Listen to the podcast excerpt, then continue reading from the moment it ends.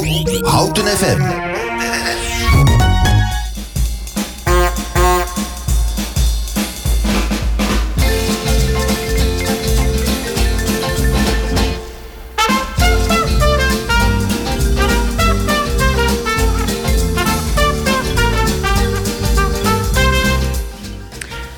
Hele goede woensdagmorgen. Woensdag 1 maart alweer. Vandaag is de astrologische, astronomische lente begonnen. Dus ik wens jullie allemaal vanaf deze plek een hele mooie lente toe. En volgens mij zijn we daar wel erg aan toe met z'n allen. We hebben vandaag weer een mooi programma Welzijn Houten voor u gemaakt. En als u via de website uh, www.omroephouten naar ons luistert, kunt u zien dat ik vandaag niet alleen zit. Henk Donker zit naast mij. Goedemorgen Henk. We hebben net weer kennis gemaakt hè? Ja, we hebben elkaar een tijd niet in de studio gezien. En we hebben weer wat gasten in de studio. Aan de knoppen staat vandaag Paul Gerards. Goedemorgen Paul, fijn dat je er weer bij bent. Goedemorgen.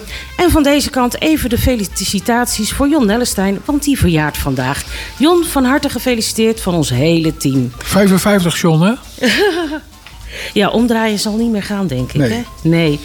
U kunt vandaag live naar ons luisteren via 107.3 FM. Of zoals ik al zei, streaming via www.omroephouten.nl.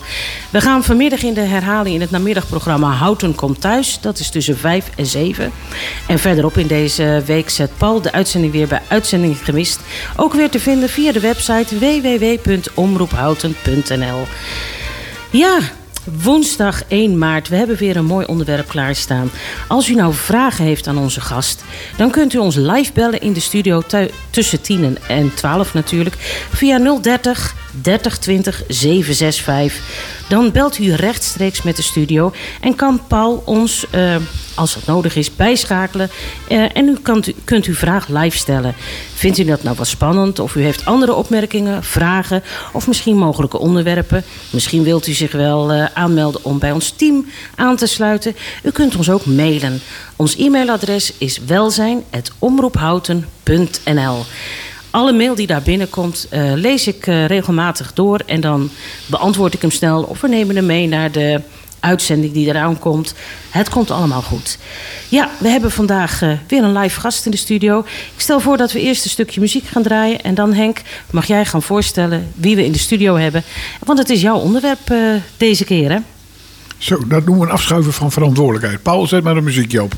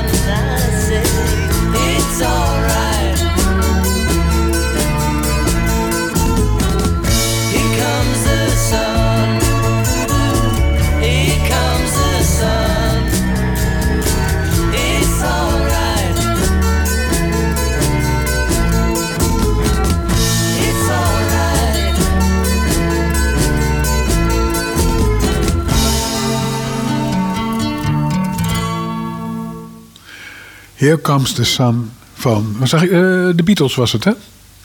Eh, Ik heb niet gekeken, want ik lette meer op jou. Oh, wat fijn. Heb je me zo gemist? Ik heb je zo gemist. Oké. eh, we gaan het vandaag hebben over onderwijs. Eh, Dat doen we meestal één keer in de twee, drie jaar. En dan gaan we ze het hele verhaal door van... wat is het nu eigenlijk? Eh, wat moet wel, wat moet niet? En zit het eh, in elkaar? Nou, we hebben als gast hebben we iemand... mag ik je noemen, directrice van de scholengemeenschappen? Of zeg het zelf, Inge.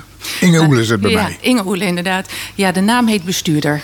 Ik ben bestuurder van een stichting voor eh, regulier eh, onderwijs in Houten. Eh, stichting Vexio. En die stichting bevat meerdere scholen. Ja, wij hebben twaalf scholen, waarvan acht in de gemeente Houten en vier in de gemeente Bunnik. En we hebben samen met het voortgezet onderwijs ook nog een onderwijs voor 10, 14. Maar dat is nog geen officiële school. Dat kan ook niet in Nederland. Maar daar hebben we wel eh, een goede samenwerking. Oké, dat is iets wat heel veel mensen nog niet weten. Dus dan hebben we straks een puntje om toch eens op in te gaan, denk ik. Gewoon als we het hebben over onderwijs, algemeen gegeven, kan je globaal zeggen van... wat is nu verplicht in Nederland? Wanneer begint het? Hoe zit het ongeveer in elkaar? Nou, misschien moeten we even een stapje terug doen, eh, Henk. Ehm, je bent ehm, bestuurder voor het basisonderwijs. Dus voor de lagere school van vroeger, tegenwoordig de basisschool, het primair onderwijs. Ja. En niet, te, niet in de war eh, komen met het voortgezet onderwijs, want dat is een heel ander eh, werkveld, hè? Ja, klopt. En dan heb je natuurlijk in het, eh, je hebt het voortgezet onderwijs en daarna komt de, eh, de MBO's en de HBO's en heb je universiteiten ook nog. Kinderen moeten eh, van hun vijfde tot hun eh, zestiende in ieder geval naar school. En soms ook nog wel wat langer.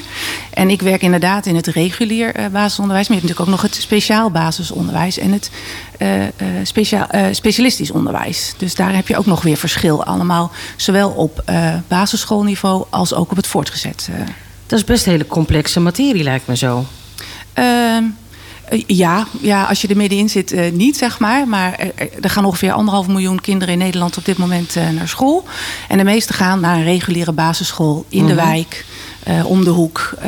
Nou, dus dat, dat lukt goed. Voor een aantal kinderen is dat. Ja, is die omgeving kunnen we hem niet passend maken. En dan gaan ze naar speciale basis, eh, speciaal basisonderwijs. Dat zijn er ongeveer 35.000 in heel Nederland. hè, Dus zo'n 2%. En hetzelfde geldt voor speciaal onderwijs. Dan heb je echt een beperking op horen, zien, eh, intelligentie. Hè. Dus dan heb je complexe vragen waarbij ook de setting van het onderwijs anders moet zijn. En dat zijn er ook ongeveer zoveel. Dus de meeste kinderen gaan gewoon naar onderwijs. het regulier onderwijs. Ja, in de laatste jaren is er een tendens om kinderen met een rafeltje, met een uitdaging, toch gewoon in het reguliere onderwijs te plaatsen. Hè? Je, je haakte net al aan met eh, eh, passend onderwijs maken. Ja. Ehm, hoe Ja. ziet dat er dan eh, uit? Want ik kan me zo voorstellen dat als een, eh, een juf van vroeger voor de klas staat en ze heeft. Pak een beet 31, 32 kinderen voor zich. En daarvan hebben er 10 een rugzakje in de vorm van ADHD of autisme. Maar net niet ernstig genoeg om naar speciaal onderwijs te gaan. Maar ze hebben die wel in de klas zitten. Dat lijkt me best een uitdaging. Nou, dat is het ook zeker. En het antwoord is ook niet heel eenvoudig. Het zit hem in een aantal dingen. Eh, allereerst denken wij al langere tijd na over hoe je eh, de klas die we misschien de meeste luisteraars van vroeger nog kennen, waarin al die tafeltjes staan en dat je dan achter elkaar zit of nou, op een gegeven moment in groepjes. Ja, daar is eigenlijk al best wel eh, achterhaald. Dat zie je veel minder. Dus je ziet dat we groepen kinderen veel meer formeren op wat ze nodig hebben en hoe ze zich ontwikkelen. Eh, dat kan door eh, klassen heen zijn, dat kan in de klas anders zijn. Dus dat is een ding wat we al doen. Dus we proberen de inhoud van het onderwijs aan te passen. En daarbij hebben we, leren we ook dingen om die kinderen nou juist wel. Eh, eh, te geven wat ze nodig hebben. En dan kunnen we soms experts van buiten eh, naar binnen halen of we ontwikkelen onszelf. Maar binnen wat grotere stichtingen zijn er vaak ook experts in de organisatie die leerkrachten dan komen helpen met observeren en ook kunnen helpen hoe ze dat onderwijs. Nou ja, Passend eh, kunnen maken. passend kunnen maken. Ja. Want het is eh, ja, in groot belang dat kinderen eigenlijk zo dicht mogelijk bij hun huis, bij hun vriendjes eh, naar school gaan. Omdat we ook weten uit onderzoek dat het perspectief op lange termijn voor deze kinderen dan het beste is. Ja. Wat niet wil zeggen dat als je niet op die reguliere school gaat, het ook heel goed gaat lukken in het speciaal onderwijs. Mhm. Ik heb daar zelf ook lang gewerkt, dus ik heb gezien dat het dan ook echt heel goed met je gaat en dat dat ook heel passend Je is. kunt het van beide kanten bekijken. Ja, passend betekent dat de plek past bij jou. En dat is soms, of is vaak regulier, maar soms is dat ook speciaal. En dat is ook passend. Is het net iets anders als op maat? De andere grote term die overal gebruikt wordt als we mensen helpen is... we moeten het op maat aanleveren. Je, uh, ik denk dat er parallellen in zijn. Dus, dus dat je kijkt naar wat dat individuele kind nodig heeft om zijn leren ja. zo optimaal mogelijk te maken. Uh, wat niet betekent dat je in een klas, zoals in jouw voorbeeld, 31 verschillende lesprogramma's hebt. Mm -hmm. Dus je kijkt ook wel weer naar chemie tussen groepen. Uh, en dat kan zowel in het regulier als in het speciaal onderwijs. Ik wou even een stapje terug maken, want we gingen hier al heel diep en dan gaan we straks ongetwijfeld nog een keer. Uh, laten we gewoon bij het begin beginnen. En dat vond ik al een leuk verschil. Uh, ik wist niet beter, als je vier jaar bent, ga je naar school. Dat gaat gelukkig ook iedereen nee, hoor in ja, Nederland. Maar het ja, hoeft niet. Dat bedoel ik. Dat, nee. is, dat is voor mij nieuw ja. als oude man. Maar goed, ik had ook nog een juf die 44 kinderen had in de klas. En die maalde er toen niet om. Maar goed, wij zaten stil voor ons uit te kijken. Maar dat is het verschil, denk ik. Maar er zit dus een verschil. Je mag op je vierde, maar je moet op je vijfde. Klopt. Ja, de leerplicht in Nederland start op vijfjarige leeftijd. En je ziet gelukkig in Nederland dat kinderen uh, al met vier naar school gaan en daarvoor uh, vaak ook al naar peuterspeelzalen of kinderdagverblijven. Hè. Daar zullen we het straks misschien ook nog even over hebben, dat dat ook steeds meer samenwerkt. Uh, maar je moet naar school als je vijf bent. En in ieder geval totdat je 16 bent. Maar als het je nou niet lukt om op je 16 een diploma te hebben, dus kwalificaties, dan moet je nog tot je 18e. Dus dat we proberen het... zo optimaal mogelijk toch je voor te bereiden op die toekomst. En je in ieder geval in een aantal basisvakken iets mee te geven. Dat is al de tweede les die ik krijg. Oh, dat gaat wel goed op deze manier. Want ik dacht tot je achttiende, maar er zit dus een maat tussen. Als ja. je kwalificaties hebt en papiertjes hebt, mag je stoppen op je zestiende. Maar je bent verplicht, ik ben vakkenvuller bij uh, de Lidl, uh, Albert Heijn. Ik moet dan altijd drie noemen, hè, anders hebben we een boete. Die gele nog een keer. Goed zo. dat is, uh, maar en ik heb geen, geen, geen vakdiploma of schooldiploma of iets dergelijks. Dan moet ik aanvullen naar school tot mijn achttiende. Ja. Nou, ik, ik, noem het maar even aanvullend naar school. Ja. Maar je mag ook vakkenvullen zijn als je wel dat diploma hebt hoor. Ja, dus uh, daar zit nee, geen Nee, nou ja, dat is een hele goede correctie. maar je moet dan uh, een gedeelte van je tijd naar school. Ja. Ja. Ja. Maar dan kan het ook zijn dat je op je achttiende nog niks hebt. Nou ja, en dan, dan is het voorbij. De, dan, is, dan is het voorbij. Dan kan het nog steeds wel, maar dan ben je het niet meer verplicht. Plicht, nee, nee, dan is de plicht eraf. Dan is de... Maar dan kom je niet in aanmerking van bijvoorbeeld een uitkering als jij geen startkwalificatie hebt. Duidelijk. Dat is nog les drie. Ja. Nou, als we zo doorgaan, dan ga ik met de volle kop weg vandaag. uh, even terug naar de, er komt dus een moment dat ouders moeten kiezen naar wat we vroeger de lagere school, nu de basisschool noemen. Vroeger was het dan tot zes jaar de kleuterschool. Kleuterschool noemen dat en dan ging je beginnen. Nu is het groep 1 tot en met 8. Dat heb ik met mijn kleinkinderen wel allemaal meegekregen. Uh, maar uh, dan moet ik kiezen naar welke school. Ik begrijp dat al jarenlang kan men kiezen op basis van religie. He, je gaat naar een Rooms-Katholieke of een DS of een openbare school heette dat. Maar er zijn, er zijn ook andere mogelijkheden, heb ik begrepen. Want dan is er een bepaalde leermethode. Maar dan moet ik toch op vierjarige leeftijd al kiezen. Mijn kinderen zitten op, zover mijn kleinkinderen, een Daltonschool. Het zegt mij niks. Montessori schijnt er ook een te zijn. Klopt. Ja, Montessori, daar is bij onze oude mensen bijgebleven. Daar mag alles en hoeft niks. Maar waarschijnlijk heel veel, uh, wat ik nu doe, zijn een heleboel vooroordelen hoor. Welke keuze daar? Dat, dat, geloof, dat, dat geloof ik wel, want dat is duidelijk je achtergrond wat je kiest.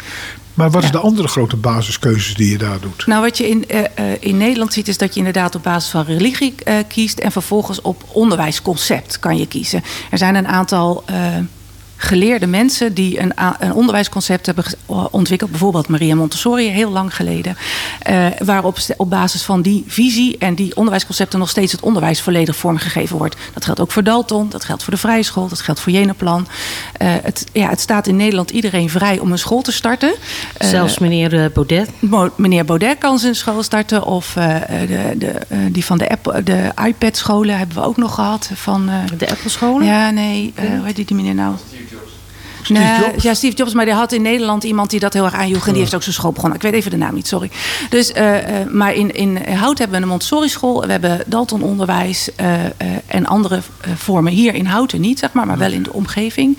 En je ziet ook nog wel weer binnenscholen dat ze ook nog weer concepten aanjagen of speciale methodieken vooral heel erg aan de voorkant hebben. Bijvoorbeeld uh, OGO-scholen, uh, dat is uh, ontwikkelingsgericht onderwijs.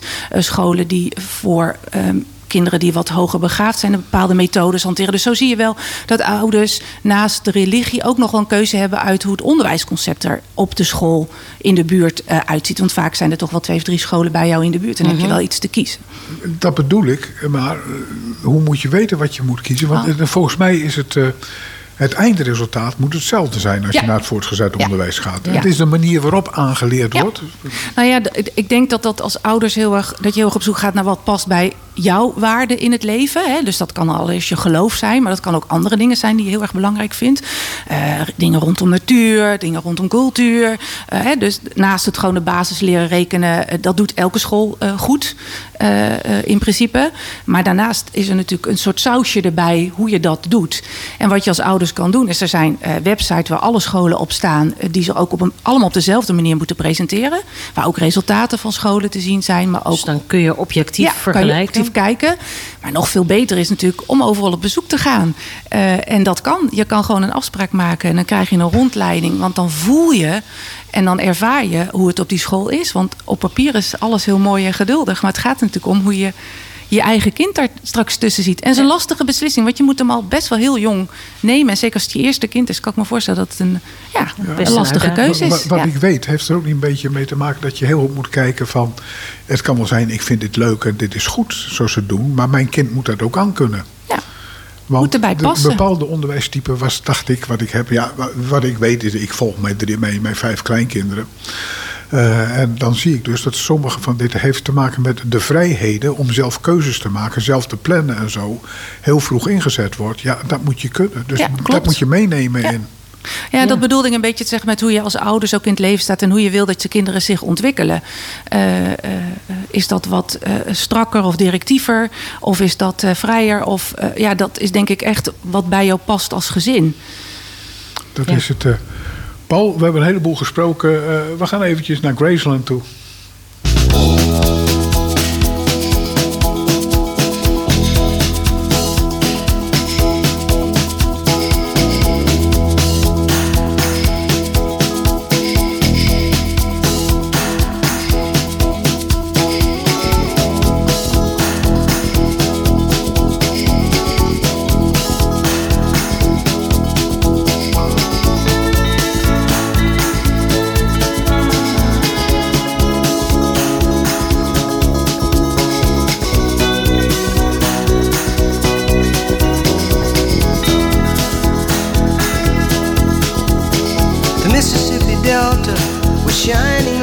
National guitar.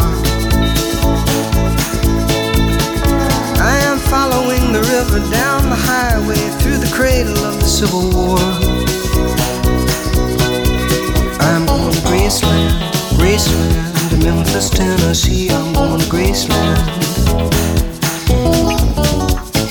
Poor boys and pilgrims with families, and we are going to Graceland. And my traveling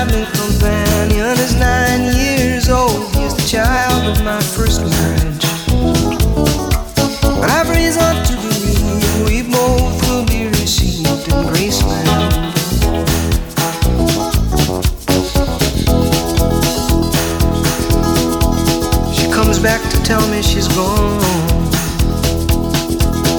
As if I didn't know that, as if I didn't know my own bed. As if I'd never noticed the way she brushed her hair from her forehead.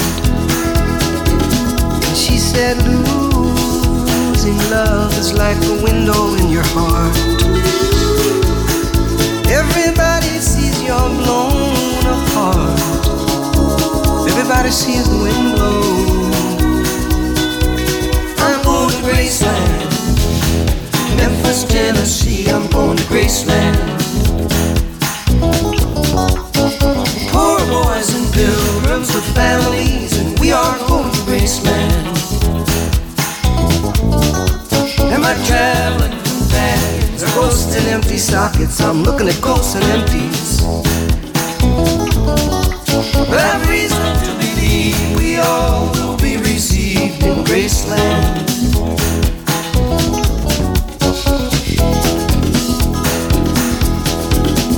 There is a girl in New York City who calls herself the human trampoline. Sometimes when I'm falling, flying, tumbling in turmoil, I say, Whoa, so this is what she means. She means we're bouncing into Graceland. And I see losing love is like a window in your heart. Well, everybody sees you're blown apart. Everybody feels the wind blow. Ooh, in Graceland, Graceland.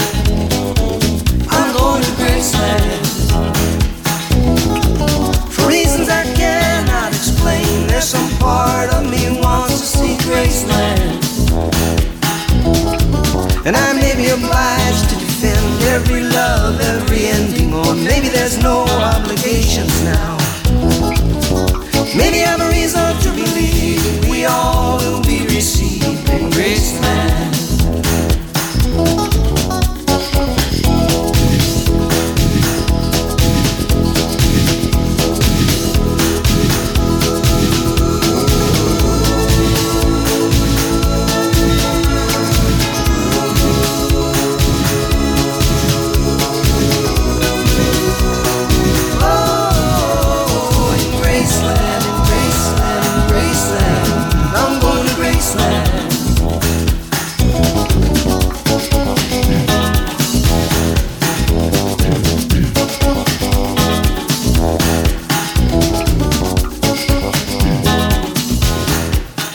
Dat was Graceland van Paul Simon. En hoe heette die Afrikaanse stam ook alweer die dat eh, met hen deed?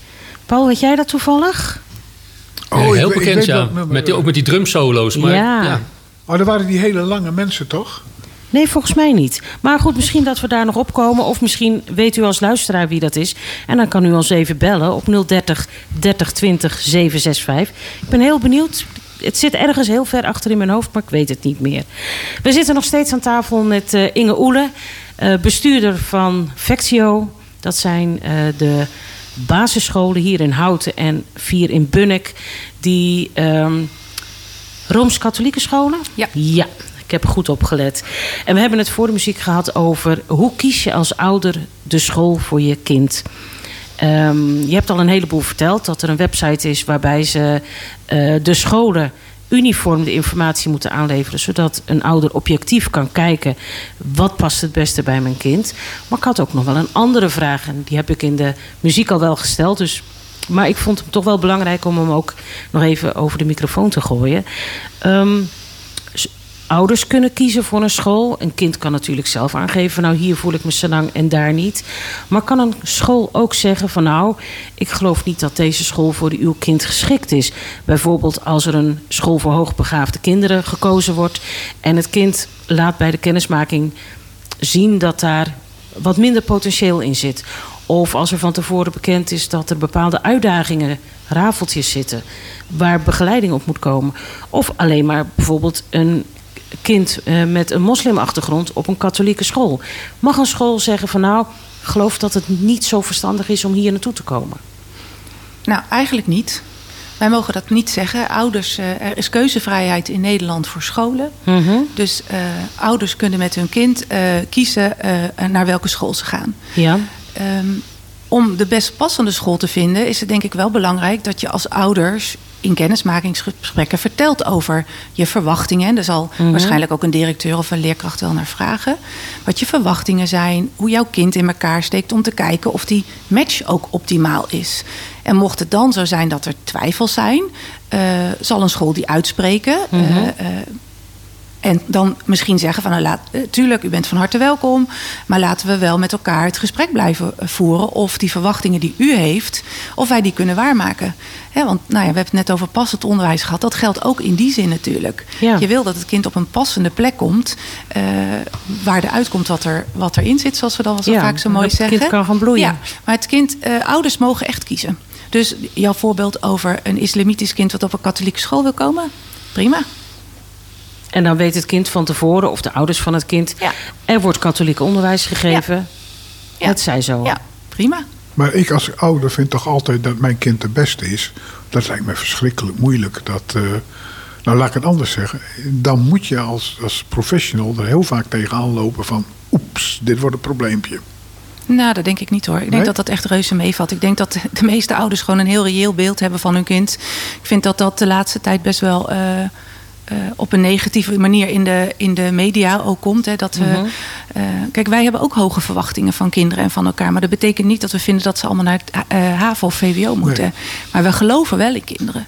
En we geloven dat als wij ze een omgeving kunnen bieden waarin zij kunnen bloeien, dat zij ook nou ja, kun- zich mooi kunnen ontwikkelen. En ouders hebben ook hoge verwachtingen. In die zin van hoog. En niet hoog in zin van HAVO, VWO, maar hoog van... Opleidingsniveau, maar Ja, gewoon, ik, ik geloof in jou. Ik heb er vertrouwen in. Ik denk dat dat heel belangrijk is. En dat zie ik bij de meeste ouders. Dus eh tuurlijk kennen wij ook de gesprekken eh, in groep 8... dat het ouders een beetje tegenvalt. Maar we kennen ook echt de meeste ouders... die een heel reëel beeld hebben van hun kind. En ook het beste willen. Dus ook die kwetsbaarheid echt durven te geven. Misschien in het begin nog niet. eh, is dat wat lastiger. Maar als ze vertrouwd raken met de school... wordt dat echt steeds beter. En dat is heel belangrijk. En uiteindelijk, een kind ontwikkelt zich ook. Als een kind op vierjarige leeftijd binnenkomt, is het niet de persoonlijkheid die het in groep 8 wordt. Absoluut. Nee, absoluut. En daar zijn we samen bij. Hè? Een stukje Ja. bij school, een stukje na school, een stukje in de sport, een stukje in je, in je muzieklessen misschien, een stuk thuis. Eh, nou, alles en iedereen om jou heen. Alles hoort erbij. Ja. Ja, ja.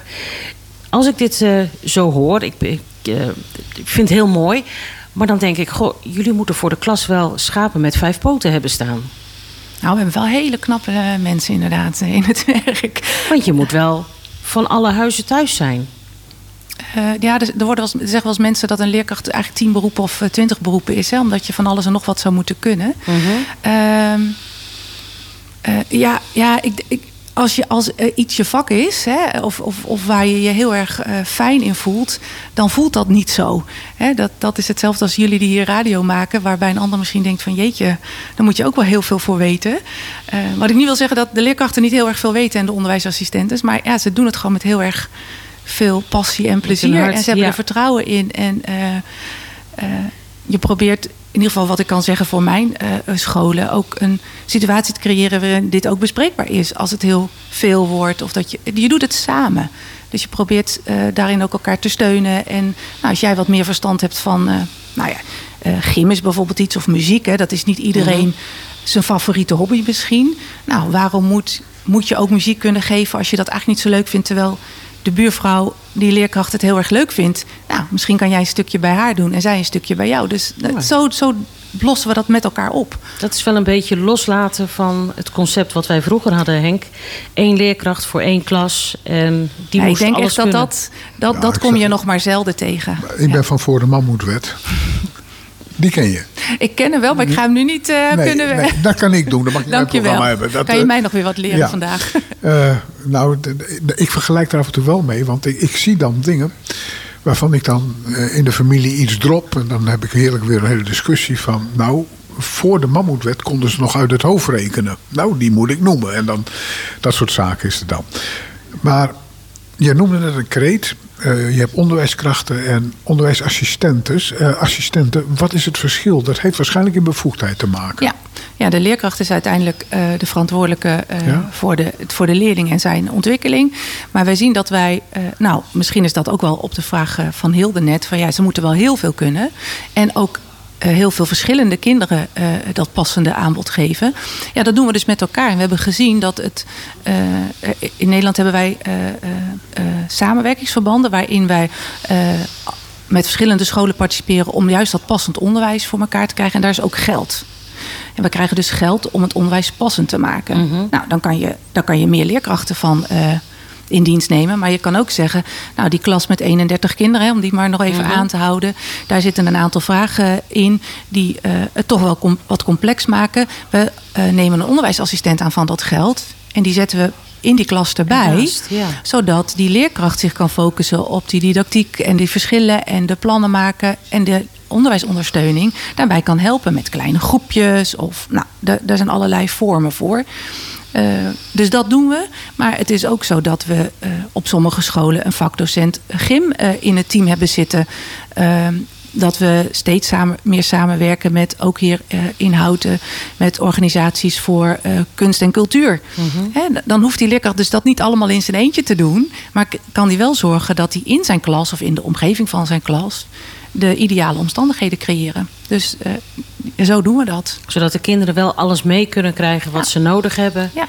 Maar het hoeft niet allemaal uit één koker te komen. Absoluut, Ja, absoluut. ja. Weer dat samen eigenlijk. Ja. Ja. En we- we gaan we proberen nog een, eh, denk ik, fabeltje de wereld uit te halen. Ik, ik hoop dat het een fabeltje is. Eh, want jij hebt natuurlijk bij al die scholen leerkrachten uit verschillende generaties enzovoort staan. Klopt. En je hoort al meer, maar ook dat kan weer overdreven zijn, dat de kwaliteit op het niet lesgeven, maar op de gewone basiskunde als taal en rekenen enzovoort, dat dat af en toe toch wel erg tegenvalt. Bij de En- leerkrachten. Bij de leerkrachten, ja. Ik vind dat wel lastig. Eh, ik, ik, alle leerkrachten hebben de toetsen gehaald die je minimaal moet kunnen halen. Anders kan je je bevoegdheid niet krijgen. Kijk, dat is al een belangrijke. Dus ja. ja. ja, ze zijn allemaal voldoende geschoold en hebben voldoende kennis eh, om, dat, om die vakken goed te geven. Ehm, of dat vroeger beter was of meer, ja, dat kan ik eigenlijk niet zeggen. Ik Misschien kan, was dat vooral anders. Dat denk ik ook. Ja. Als ik bijvoorbeeld kijk, mijn dochter, eh, zij is nu 17. Eh, wij hebben op school staartdelingen gehad. Ja. Maar die bestaan niet meer op de basisschool. En het is, het is anders. De uitkomst van de som is hetzelfde, maar de weg er naartoe is anders. Ik denk dat je het meer in die hoek moet zoeken. Ja, we hebben natuurlijk tegenwoordig heel veel hulpmiddelen. eh, om te rekenen bijvoorbeeld. Of om eh, teksten goed te, te krijgen. En dan kunnen we van zeggen, ja, eh, die gebruiken we niet, want je moet het gewoon allemaal zelf kunnen. Nou, wij leren vooral de kinderen daar goed mee om te gaan. Ja. En ze op de goede manier te gebruiken. Dus, een eh, rekenmachine is prima. Maar je moet door te schatten wel een beetje weten of die uitkomst van die rekenmachine klopt. Hè, dus, eh, eh, Maar, dat, maar dat schatten, dat is wel echt Ja. kunde van de kop. ja, en dat is kunde die de leerkracht die kinderen moet bijbrengen. Dat- dat- maar dat- tegelijkertijd moet hij ze ook leren goed met die rekenmachine en die telefoon om te gaan, waar je alles op kan uitrekenen, kan inspreken, kan vertalen, noem alles maar op. Ja. Over die telefoon en dergelijke wil ik zo wel, eh, wel wat meer horen. Ik stel voor nog even een muziekje ertussendoor te gooien. En als ik eh, met een scheef oog naar eh, het beeldscherm kijk, dan zie ik staan School van Supertramp.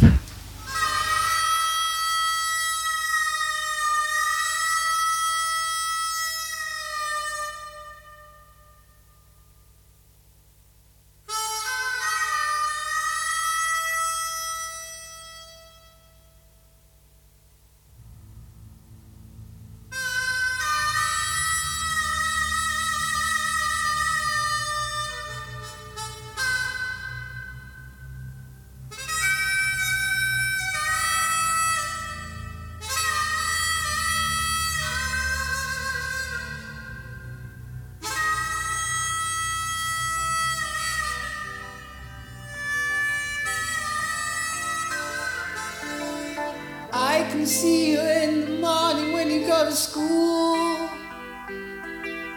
Don't forget your books, you know you've gotta learn the golden rule. The teacher tells you stop your playing, get on with your work. And be like Johnny Too Good.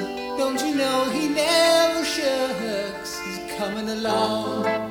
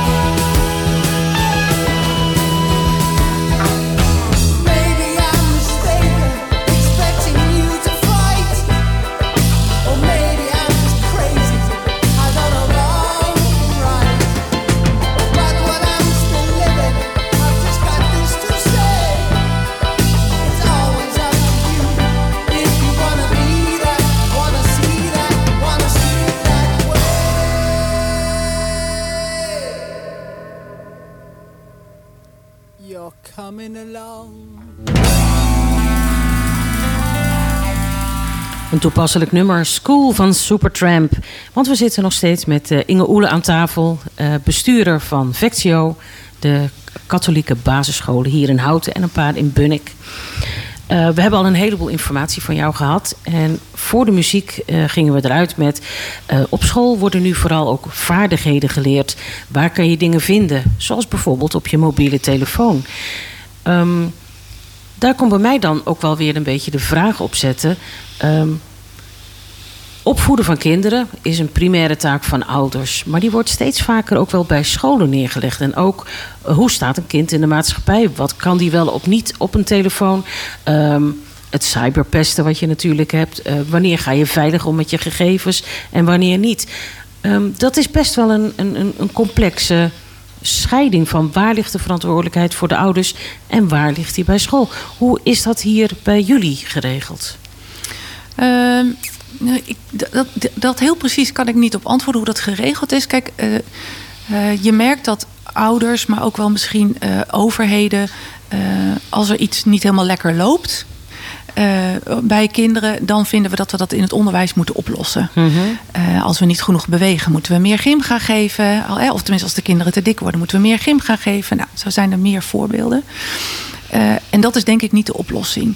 Ik denk, eh, eh, ik heb dat eerder al gezegd, dat het heel erg over samen gaat. En je ziet daar nu ook wel een mooie ontwikkeling in gaande zijn. En dat ehm, is een ontwikkeling die heet de Rijke Schooldag. En dat gaat eigenlijk over eh, wat er allemaal in het leven van een kind belangrijk is om zich zo optimaal mogelijk te ontwikkelen, om dat aan elkaar te verbinden. Ehm, en dan dat zie je ook in eh, integrale kindcentra bijvoorbeeld ontstaan. Dat je samen met de kinderopvang, dus al vanaf jonge leeftijd, de ontwikkeling van het kind samen gaat volgen. eh, zodat die overstap naar het, het onderwijs al beter gaat. En dat je volgens als je op, op school bent, ook naast school, in je, in je buitenschoolse opvang. Of, nou, en, en zo'n rijksschooldigheid gaat eigenlijk nog verder. Dat je eigenlijk. eh, eh, mogelijkheden krijgt om van 's ochtends, nou, wat is het, eh, half acht of zo, zoals de kinderopvang eh, begint, tot eh, nou, rond etenstijd s'avonds eventueel gebruik zou kunnen maken van allerlei eh, eh, ja, faciliteiten, zodat je je optimaal kan ontwikkelen, waarbij je het dus heel erg samen kan doen. En waarbij ouders ook een rol kunnen spelen. Je ziet ook steeds vaker dat ouders een rol in de school eh, daarin gaan spelen. En dat, dat is dan voornamelijk ook op de ontwikkeling van de eigen normen en waarden van dat kind. Ja. En, nou, in zijn algehele ontwikkeling. Ja, dus niet alleen kennis, hè, maar ook wie ben je als persoon. En hoe doe jij het eh, samen in de wereld eh, waarin we nu zien dat, eh, nou ja, waar we altijd al zien dat er oorlogen zijn rondom geloven of rondom zienswijzes. Hoe, hoe leer je kinderen daar ook mee omgaan hè, in een maatschappelijke context? Dus het is best een hele brede verant- verantwoordelijkheid. Ja, en die- misschien dichter bij huis, het pesten Ja. in de klas. ja, ja dat, dat, is, dat is een belangrijk eh, eh, onderwerp. Eh, ook een verplichting die we hebben om dat eh, jaarlijks te onderzoeken bij kinderen of ze zich veilig voelen. Je hebt ook echt wel ehm, eh, protocollen en, en, en eh, je hebt pestcoördinatoren, eh, je hebt eh, vertrouwenspersonen. Eh, eh, ja, ik denk dat dat goed dat er allemaal is. Eh, maar we zien helaas de laatste tijd natuurlijk ook dat ondanks alle eh, protocollen en regels die we hebben, dat het op sommige plekken heel erg mis kan gaan. Hè? Eh, dus ik denk dat het daar ook met elkaar over hebben en een cultuur in je school te organiseren waarin je je dat durft te zeggen. Hè, de- dat je je kwetsbaar dus op te stellen zonder dat je meteen afgerekend wordt. Waarin je, we zeggen het altijd heel makkelijk, je fouten mag maken, maar dat, waar dat ook echt mag. Waarin je mag struikelen, waarbij we nog steeds dan vertrouwen hebben dat- we er samen uit gaan komen. Als je zo'n eh, cultuur kan creëren dat dat het beste is. En dat dan het naar boven komt en het dan bespreekbaar is. En dat je dan niet voor iemand iets moet oplossen, maar dat je met iemand, Met iemand kan iets oplossen. gaat oplossen. Ja, ja, ja. Maar dan dat is moeilijk hoor, dat is echt niet makkelijk. dan ga je er eigenlijk wel vanuit dat ouders meewerkend zijn in die vorming van normen en waarden. Zoals je met z'n allen in de maatschappij zou willen staan. Eh, maar je hoort ook steeds meer verhalen van ouders die heel mondig zijn. En met echt behoorlijk grote monden op school verhaal komen halen. Als eh, hun kind bijvoorbeeld strafregels heeft moeten maken of na heeft moeten blijven. En de ouders het daar niet mee eens zijn, want dat komt in gedrang met de sport of wat dan ook. Ehm, dat betekent dat die normen en waarden soms al bij de ouders niet helemaal in de haak zijn. Nou, ik, ik heb denk ik eerder gezegd, ik denk, ik herken dit, maar ik herken dit maar voor een klein deel. De meeste ouders gaat het echt, is de samenwerking echt heel goed. Dus dat wil ik toch nog een keer benadrukken. Is dat dan ook omdat dit houten is? Best wel redelijk hoog opgeleid. Ehm, Nee, ik denk dat dat, dat, dat beeld echt wel breder is. hè. Ja? Eh, dat Het, ouders... het wordt over het algemeen verstoord dat soms kunnen twee mensen meer Absoluut. invloed hebben dan 60 waar het goed Ja, gaat. wij weten en dat. dan gaat dat de boventoon voeren. En dan verlies je dus Ja. het relativeren. Ja, dat klopt. Nou, wat, wat, wat we in ieder geval in mijn eh, scholen doen, want daar kan ik het beste iets Mhm. over zeggen, is de, wij kennen dat ook. Ouders die of s'avonds nog een hele boze mail sturen. Ja, dat is echt heel vervelend. Eh, je zal dat maar lezen als leerkracht terwijl je je stinkende best hebt gedaan of als directeur. Eh, mijn advies is altijd, en dat doen ze ook, gelijk bellen de volgende dag. Ga in gesprek met elkaar. Ga het niet op papier doen. Ga niet via WhatsApp of dat soort dingen. Nodig mensen uit. Heb het gesprek erover. En dan zie je dat, nou laten we zeggen dat inderdaad eh, de, de, de 10% dat dit voorkomt al helemaal teruggereduceerd wordt, nog maar naar 3, 4%. Ja, en soms ben je het gewoon in basis niet met elkaar eens. En, en, en soms kom je dan tot de conclusie dat je concludeert dat je het niet eens bent met elkaar en kan je toch door. En in hele uitzonderlijke gevallen eh, eh, ja, eh, komt er, dat heb ik gelukkig niet veel meegemaakt, maar een rechtszaak. Of, of eh, nou ja, gaat een kind van school. Of, nou, dat is natuurlijk niet wat je wil. Dat willen ouders niet en dat willen wij ook niet. Maar en dat gaat- kind natuurlijk er- ook niet. En zeker is dat niet het beste voor het kind, helemaal Nee. eens. Maar er is natuurlijk een kant, want hier zitten we nu te kijken, van je mag als school wel vinden dat bepaalde opvoedingstaken gewoon keihard bij de ouders liggen. De kinderen moeten met bepaalde eh, normen en waarden op school komen, die ze, thuis, die ze thuis hebben aangeleerd gekregen. Nou, je kan in ieder geval aange- Ik denk, denk niet dat wij gaan over wat ouders moeten doen. Eh, Maar ik Mhm. Nee, denk wat dat wij wel kunnen. van het kind. Wij kunnen wel aangeven wat, wat, wat wij wel kunnen doen. En wat Ja. wij, eh, eh, hoe wij met elkaar omgaan. Eh, eh, in de hoop dat dat wederzijds is. En dat ouders op die manier ook ons als school hebben gekozen. En botst dat echt enorm. Ja, daar kom ik gelukkig niet heel veel tegen. Dat is in ieder geval heel fijn om te horen. Dat Ja. dat, eh, ja, want je wil. ja, Het is toch de toekomst van ons land, van Absoluut. wie wij als natie strakjes zijn, hè? Ja, de kinderen zijn de toekomst, hè? Zo'n mooie uitspraak. zo'n Ja, uitspraak. maar het is ook- het zo. is ook echt zo, Ja, is ook ja. zo. Ja. Je noemde iets helemaal in het begin, voor, ik denk voor het programma, iets over van 10 tot 14-jarigen. Ik ga een hele grote sprong maken. Ja. Er is wat in ontwikkeling. Wat is het? Ja. Misschien leuk om even een kleine intro te maken en na het nieuws straks door te gaan. Nou. En ik wil zeker in het tweede uur over het hele gebeuren wat meer weten van CITO, hoe dat in elkaar zit. Nou, nou, daar kan ik een heleboel over zeggen, inderdaad. Ja. Kijk, kijk. Nou, 10, 14, heel kort eventjes Ja. dan nu. Eh, Nederland is eigenlijk een van de weinige landen die eh, een basisschool heeft tot eh 12 jaar. In heel veel landen om ons heen zien we dat dat stopt bij 10 ongeveer. En dat er dan een soort tussenschool is. 10, 14. Nou, dat is, niet met een, eh, dat is natuurlijk niet zonder reden. En je ziet in Nederland dat er op een aantal plekken eh, pilots zijn, zoals we dat dan heten. Om dat te kijken of dat onderwijs ook iets toevoegt. In ieder geval voor een deel van onze leerlingen.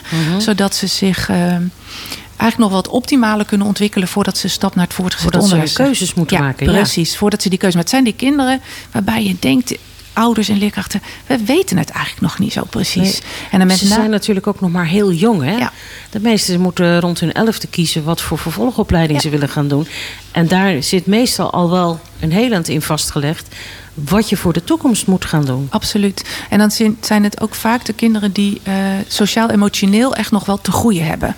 Die dus nog wat sterker die in die persoonsvorming zich moeten ontwikkelen. eh, om dat gelijk te krijgen aan hun eh, cognitieve mogelijkheden.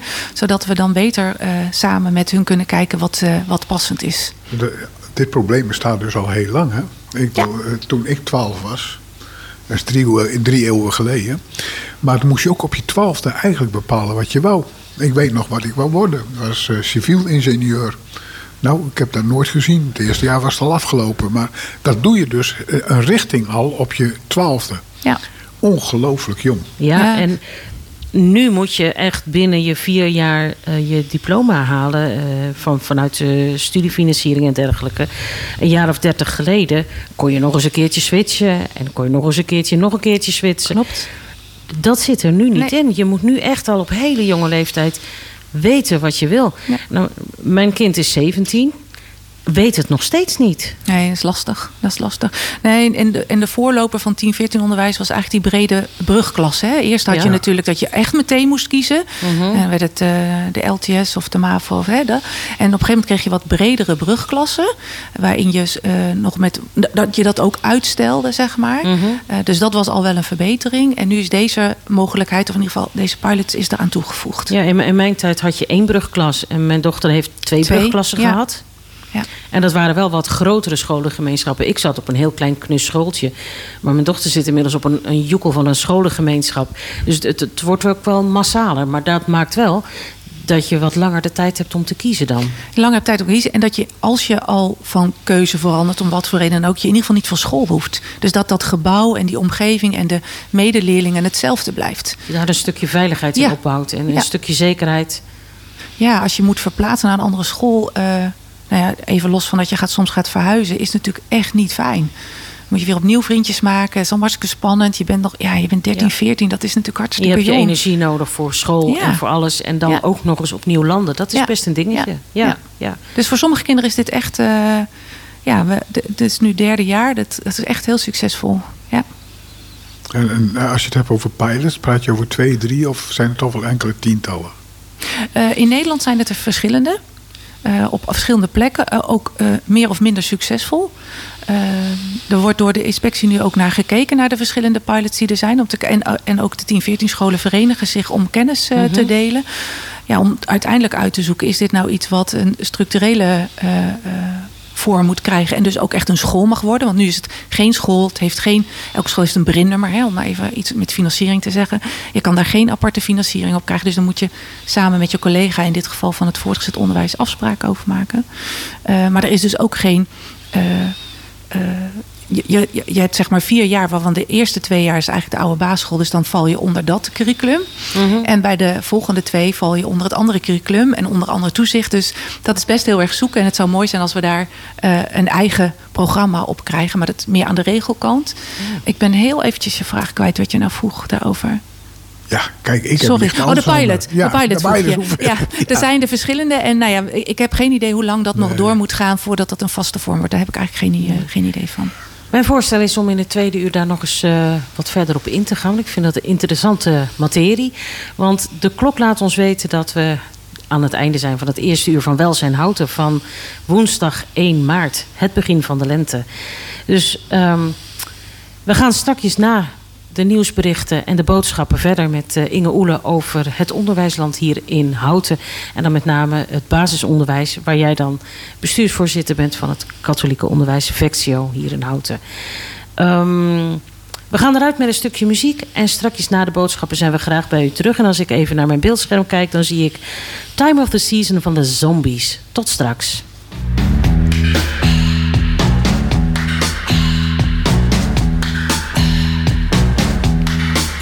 It's the time of the season when love runs high. In this time, give it to me easy and let me try with pleasured hands to take you in the sun to promised lands to show you